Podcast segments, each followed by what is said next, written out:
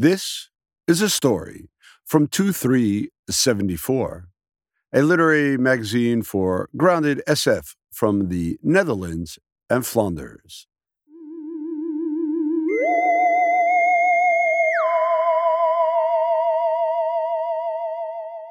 The most difficult house guest in ages. A story by Rob Van Essen, translated by Jay Van Essen. A mysterious stranger who weasels his way into a couple's life turns out to be the most difficult house guest in ages, keeping them awake at night and even lying in bed with them, crying. Later, he writes them a letter that explains it all.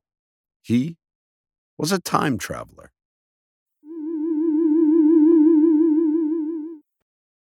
He was a time traveler, Axel says. Who? I ask. Our house guest. You mean the most difficult house guest in ages? Yeah, that one, Axel says, flapping a piece of paper in his hand. He wrote us a letter explaining it all. Shall I read it to you?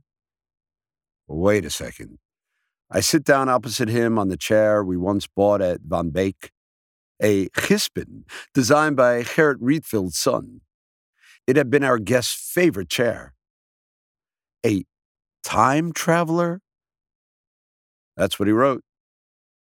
Did he write anything else? Come on, Miranda. He tells us he's a time traveler, and you're asking if he wrote anything else? What else should he write about? The weather? what the food was like at our place? Isn't it enough that he. I mean, does he explain where he got that idea? Yes, Axel says. He does. It was around three o'clock, and I had just got back from work. Business had been slow at the gallery, so I closed early. He was sitting on the step by the front door. I almost missed him, as I always go around the back. He looked young, 20, 25 at the most.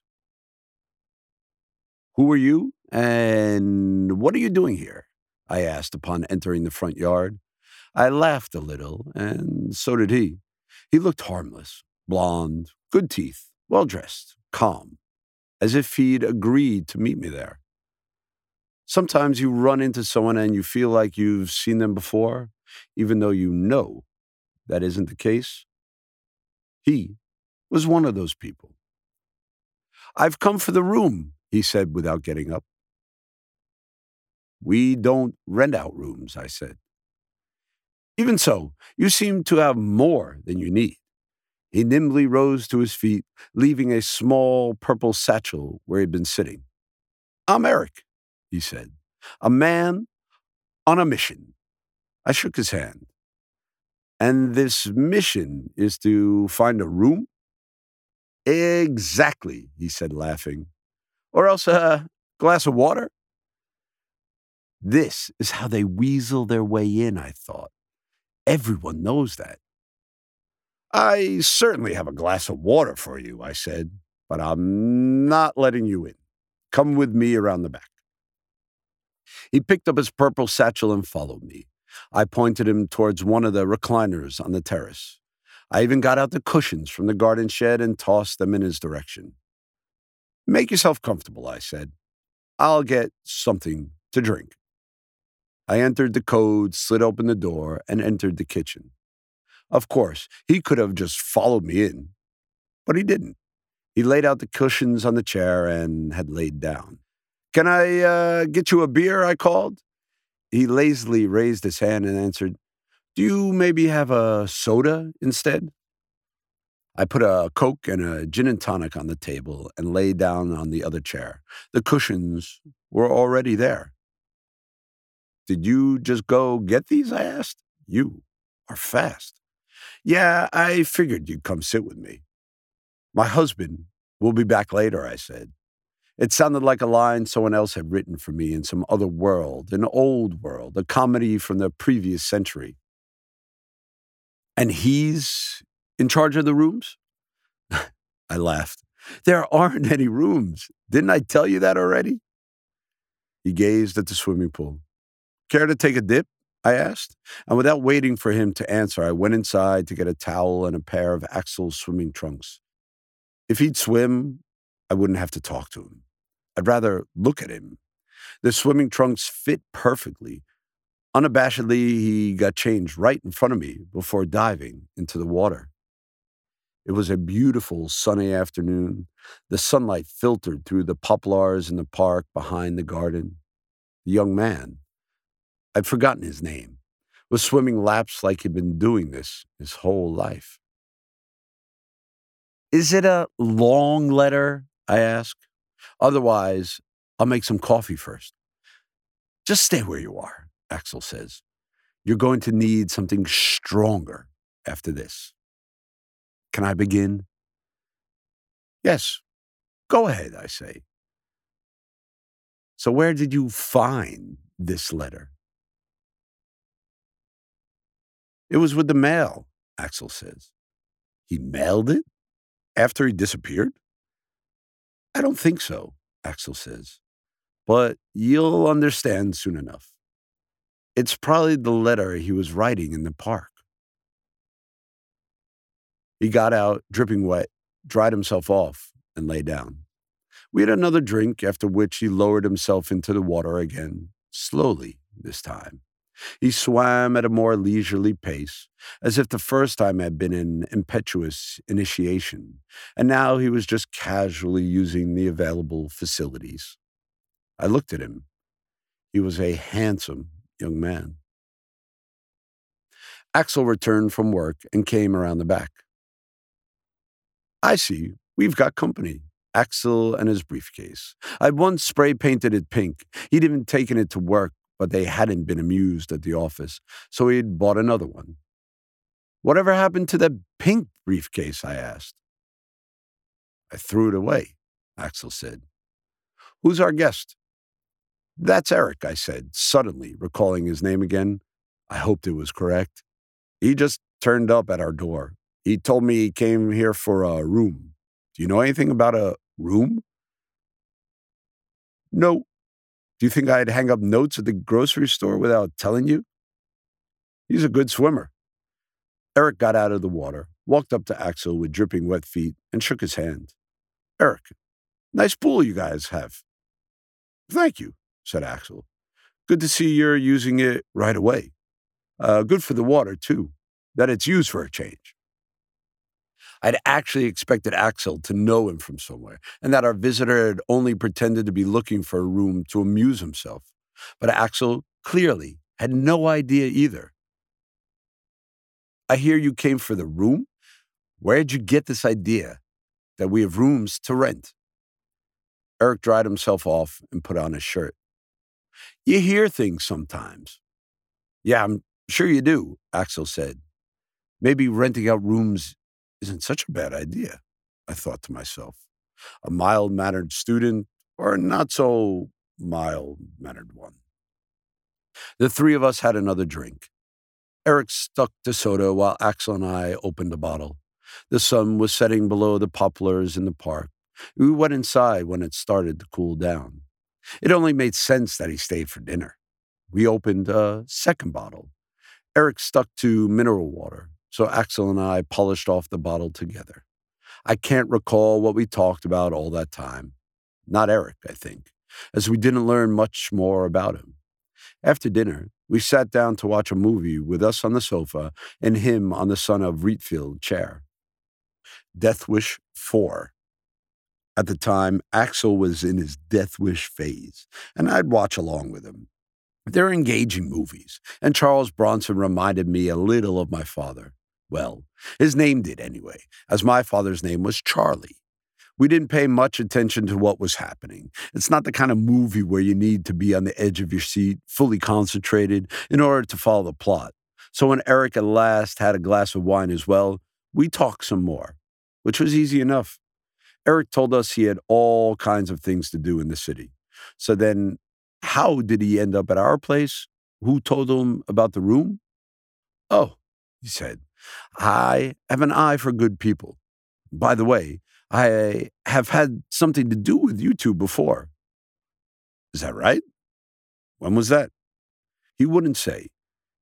It would be far too easy if he just told us right there. If we didn't know, we'd just have to guess. Long after the movie had ended, we sat there taking turns guessing. Wrong every time. But we had a lot of laughs, like we'd known each other for years. Maybe he's a customer from your gallery, Axel said as we lay in bed. Eric was in the guest room. It wouldn't have felt right to see him off this late at night. Plus, you could tell he had had two glasses of wine. He didn't seem to handle alcohol well. Someone you can't remember bought something from you, but he remembers you, and can you blame him? Yeah, right. Why couldn't he be one of your clients at the office? So when you screwed over sometime and don't remember, even if he still remembers exactly who you are? That could be anyone, Axel said. When I came out of the bathroom, I knocked on Eric's door to check if everything was all right and if he needed anything. He'd answered everything was fine. If you have trouble sleeping, feel free to grab a book from the shelf downstairs, I'd said, which had sounded rather dull.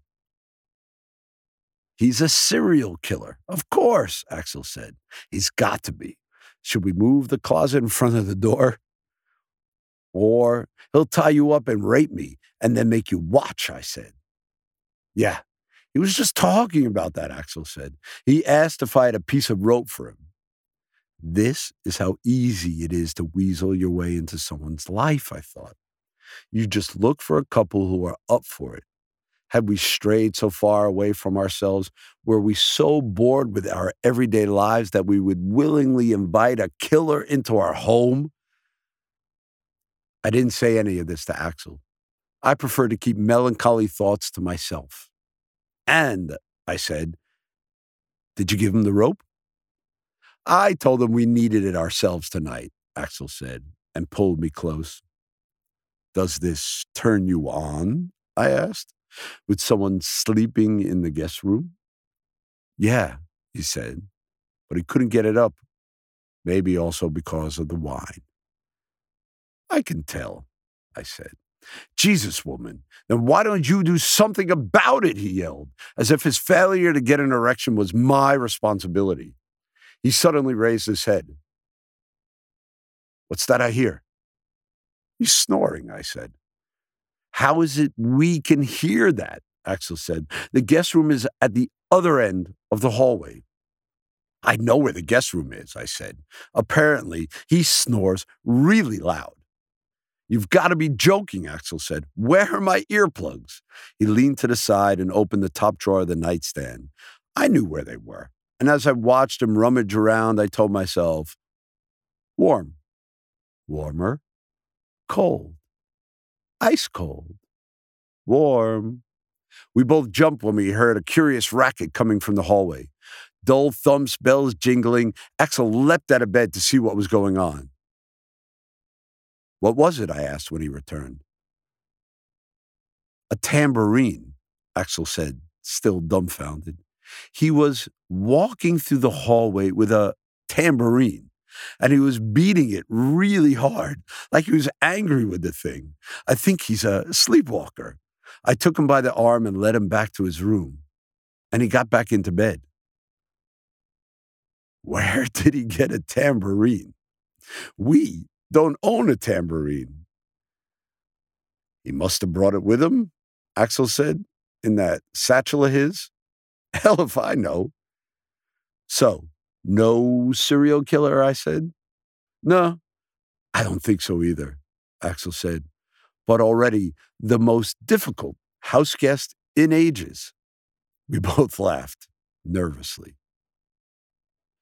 The following morning, I gave Eric some of Axel's clothes, just in case the tambourine had taken up all the space in his satchel. Now you're all set to go into the world, I said, when he entered the kitchen where Axel and I were already having breakfast. You two are my world, he said. You sleepwalk, Axel said. Did you know that? With a tambourine. Eric looked at him and nodded. Ever since I was a child, but not all night, right? By the way, that assistant of yours, he's screwing you over. Bravort? Axel said. No way. He is, Eric said. He charges extra commission, which he pockets himself. Impossible, Axel said. We have a system that completely rules out anything like that. He's doing it anyway, Eric said. I fired Brayfort, Axel said when he came home that evening. Eric was right. Where is he? Don't know, I said. I gave him a ride this morning and dropped him off downtown. He said I didn't need to pick him up. And when I came home, he wasn't here. I'd figured, hoped, expected he would be in the garden or in the swimming pool. We sat down and had a drink. Without telling each other, we both knew we were waiting for Eric. We missed him, like he was already one of us. When we sat down for dinner and tried to reconcile ourselves with the possibility we might never see him again, at least I was. I've never been able to read Axel's mind. The doorbell rang. How did you know about Brayfort? Axel asked. Oh, you hear things sometimes, Eric said. He seated himself and joined us for dinner. He was vague about what he'd been doing all day. That night, he was very restless, once again. The snoring, that's one thing, I told Axel, but we're taking the tambourine off him tomorrow. Read it then, I say. Axel holds the letter a little higher and squeezes his eyes together. Dear parents. Dear parents? Yeah, that's what it says. Do you think I'm making this up? Dear parents, if you're reading this and I'm not in the room with you, I mean, if at the moment you read this, I've disappeared without a trace, my mission has been accomplished. On the third night, Eric came into our bedroom. We were in bed watching an old movie, something in black and white with Cary Grant. Without so much as a glance at the screen, he nestled in between us. We just let him though we exchanged glances over his head. Trouble sleeping? Axel asked. A bit, he said. Maybe he missed his tambourine, which was under our bed. He was wearing a set of Axel's freshly washed striped pajamas, which were a size too big for him, which was odd, since all Axel's other clothes seemed to fit him perfectly. Where are you from, actually? I asked, realizing I'd never asked him anything so directly over the past few days. He remained vague and kept his eyes on the movie while he talked. His body heat blended with our own. Of course, he came from somewhere. He spoke of things that had me listening and nodding, but I couldn't remember later because they lacked specificity. And maybe we were to blame as well, because we were trying to watch the movie at the same time. He asked us all kinds of things, like how we met. This resulted in an interesting, increasingly engrossing conversation because, of course, Axel and I each had our own version of events, and we never compared the two. We forgot about the movie and talked, often looking at each other in surprise. Did you really feel that way back then? And what about you? Were you sure about that already? Eric smiled, shifting his gaze from me to Axel and back to me, after which he asked what our plans for the future were. Find someone to take Brayfort's place, Axel said. But this didn't satisfy Eric. He wanted to know how I felt as well, how I envisioned the rest of my life, if I was going to continue working at the gallery, if we'd be having children. Well, there are plenty of rooms, Axel said. And I said I didn't know yet. We'd just got our lives in order and we're making a good living. It was only a short time ago that we bought this house. We still had the time to work on our future. Had we actually seen any of the couples we knew get any happier after having children? Well, no. Did we see having children as our life purpose? Well, no again. For the time being, we were in the middle of a future we'd been working towards for years. Eric nodded, as if he were taking it all in seriously. And we kept on talking Axel, Eric, and I. The movie had ended some time ago. Towards the end, he became contemplative, not in a heavy way, still friendly and light, but something philosophical came over him, as if he was full of questions and saw us as people who could help him. This had never happened to us before, not to me anyway. Life, what was it? And what, in the end, was it all about? The way he said it. And it didn't seem like a cliche. He genuinely wanted to know how we felt. And he also told us how he felt himself. So there we were, the three of us, propped up against each other in bed. It was low key and extraordinary. And I wish I'd taken notes that night. At a certain moment, Axel tapped my shoulder behind Eric's back, nodding his head in Eric's direction when he met my gaze. I leaned over a little and saw the tears pouring down Eric's face, from his eyes down over his cheeks, but without sobbing or any sound. It kept pouring from his eyes, left and right. Axel took him by the arm and led him from the bed to his room. Maybe that's a kind of sleepwalking too, he said when he returned. He didn't even seem to notice it himself. All that water. The following night, he was walking through the hallway with his tambourine again, three times, with a glassy but determined look in his eyes. Luckily, he also let himself be led back to the guest room three times without any trouble. I saw him in the park, Axel said when he returned from work that afternoon. He was sitting on a bench, writing something. He didn't see me. He was probably writing a letter to his friends, I said, about how he'd found the most gullible people in the world, how you could keep them awake at night, lie in bed with them crying, how they put up with anything, and that they should swing by with the truck tonight to come rob the place. I'm willing to bet he doesn't have any friends, Axel said. Then we have to be his friends, I said. Didn't you walk up to him? No, Axel said.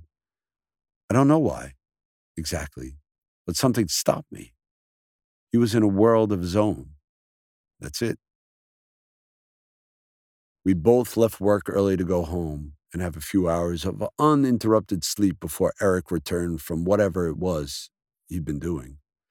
Only we'd barely lay down when we heard the sound of the doorbell, long and persistent. It was Eric. We had no choice but to let him in. During dinner, he seemed agitated. That night, he was constantly in the hallway with his tambourine, beating the skin as if he was trying to break it. The shrill jingling of the bells sounded like screeching birds. The next morning, he'd disappeared. The bed had been made, He'd somehow managed to hang the clothes he borrowed from Axel back in the closet without waking us. I dreamed someone was leaning over me and explaining all kinds of things to me, Axel said at breakfast.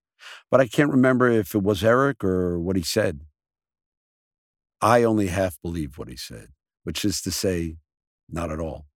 Why would he lean over Axel and not me? Eric didn't return. So it was only the two of us for dinner that evening. We were surprised at how much we missed him. Strange, isn't it? Axel said. How can we miss him this much? How come we put up with him for so long? I said. That's what I'd like to know. It just made sense for him to be here, Axel said. Other than that, I have no idea. He didn't return the next day either. When we talked about him, we referred to him by his title, the most difficult house guest in ages, which made it a bit more bearable, as if talking about some innocuous anecdote that we might share at parties. Wait a minute, I say. Dear parents? Is that really what it says? Yes, Axel says. That's really what it says. Hold on. It gets a lot stranger still. Are you ready? Shoot, I say. All right, here goes.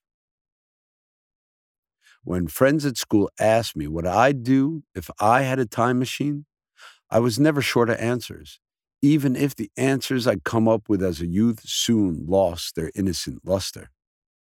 So eloquent, I say. Shh, now. The last few years, I could think of just one.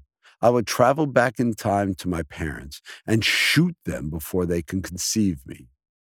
That's obviously a serious act of violence, but I took solace in knowing that I'd be altering only one particular course of time, and that in another course of time, they could live and had lived into old age. You probably didn't notice these last couple of days because I was on a mission and therefore not my usual self. But I've always felt life to be a tremendous burden for which I was barely equipped, if at all.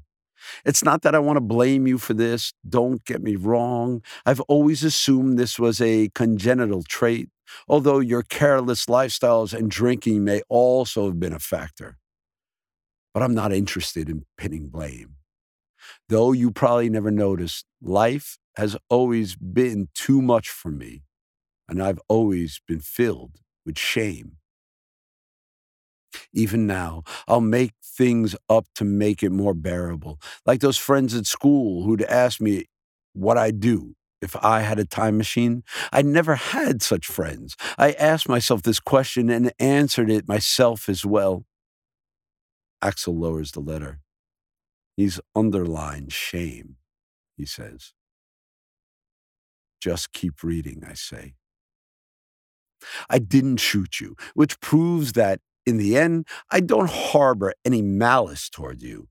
I did smuggle along a gun, which I buried between the bushes out behind the swimming pool that first day before you came home. After that, I went back downtown to buy a tambourine. At first, I thought of getting a trumpet, but I don't play the trumpet, or any instrument for that matter. A drum might also have been an option, why is it you never sign me up for music lessons or sports? I might have met those like minded people there that I so sorely lacked. But again, this wasn't about you or about how I felt about you. My aim was to eliminate myself. I wanted out. I wanted to escape. By now, it should be clear what I've tried to do. You've never been slow to catch on. I worked out the time of my conception and tried to make it impossible for you to beget me. I gave myself a week, which was cutting it close, but any more days didn't seem doable. I already didn't know how I'd survive a whole week with the two of you, not because I hated you, or not only because of that, but also because you didn't know me yet, and I need to find a way to get in with you somehow. Luckily, that was easier than I'd expected. The rest wasn't very difficult either. As careless as your lives are, in the end, you're both creatures of habit. I knew when you'd have sex, always at the beginning of the night, never in the morning or during the day. I had to listen to the sounds you make long enough, right? Even though it's such a big house. Still, there was no escaping it. So now you know why I wanted to move to the attic room when I was 11 years old. In order to prevent my conception from ever occurring, it should have sufficed to disturb you at the beginning of every night. Axel pauses and looks at me. The next sentence is in parentheses. So then why don't you just say open parentheses? I say. You don't need to explicitly say that, do you? Open parentheses. So it's a good thing I don't have any friends, as they'd have told me my plan was flawed and precarious, and most likely would have advised me to dig up the gun again. Close parentheses. So the sleepwalking was a charade, but you understand this much already, because like I already wrote, you've never been stupid, just careless and inattentive. No matter how many hints I dropped these last few days, you didn't notice a thing. This whole week, did it really never occur to you how well I knew my way around your house? Again, I don't blame you for anything. I could tell that you almost recognized me. It's a strange sensation, and surely part of the reason why you took me into your home so readily. and not just your usual nonchalance, as if life doesn't really matter. Well, I can tell you, life definitely matters to other people, and so much that if they can get their hands on a time machine, they won't hesitate to put their money where their mouth is. Axel folds the letter and leans forward to put it on the salon table. Well acted, I say. Should we warn anyone? Who? Axel asks. The authorities? Why not? Maybe he's been doing this with other people as well. And what do we say? Yeah, uh, good question. Maybe we should check online to see if that letter is mentioned anywhere. If he's done this before, there's a good chance someone. Axel shakes his head. I'm willing to bet everyone gets a letter written just for them. Besides, what has he actually done? I don't know, I say. Unlawful entry, intrusion under false pretenses, psychological manipulation, keeping people up who want to sleep. Can you picture us at the police station? No, I say. In the days that follow, I reread the letter many times. He looked like us, Axel, I say one evening over dinner. He looked like us, and that's why we trusted him. I would look at him, and it would be like I was looking at you. I can only see this now. Didn't you feel the same way? Like you were looking at me? Axel thinks for a moment. Maybe, he says. Maybe I felt I was. Does he specifically target victims who both look like him? How does he know that they'll trust him right away? But how did he know about Bravefort? We go over each moment we spent with him. We both have our own versions of these moments. Put together, they provide a more complete picture than our individual versions. Our memories corroborate and complement each other. We try to recall details that eluded us at the time. What he said, what he looked like. Did he really know his way around our house like he'd been there before? Like the floor plan was ingrained in his system? We download movies about time travel and watch every one of them, one after another, two, three times, discussing plot holes and time travel paradoxes. I catch myself constantly hoping to spot our house guests on screen somewhere, however foolish and nonsensical that idea might be. Actually, Axel says one evening as he opens a third bottle, we killed him. He wanted to kill us, I say. But he didn't. Axel says. He bought a tambourine.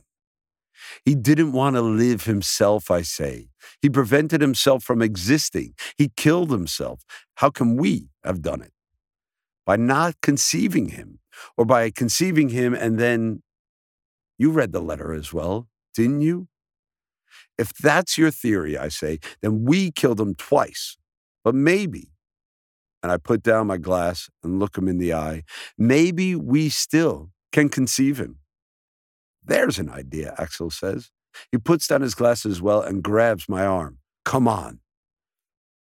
I thought he might have trouble getting it up after all that wine, but no, the idea of conceiving Eric seems to turn him on, just like it turns me on. And not just that evening, we're on a mission. That night and the nights that follow, we fuck like our lives depend on it, or Eric's life at least. And not just at night, we do it during the day. At times, Eric never heard us before. It goes against all logic, Axel gasps one afternoon as he drops his head onto the pillow. It goes against all logic, what we're doing here. And then we'll be stuck with him for the rest of our lives, I say. And then we can't screw it up like the first time. I stretch and fold my arms behind my head. Apart from the sex, I say, shouldn't we maybe honor Eric's wish not to exist?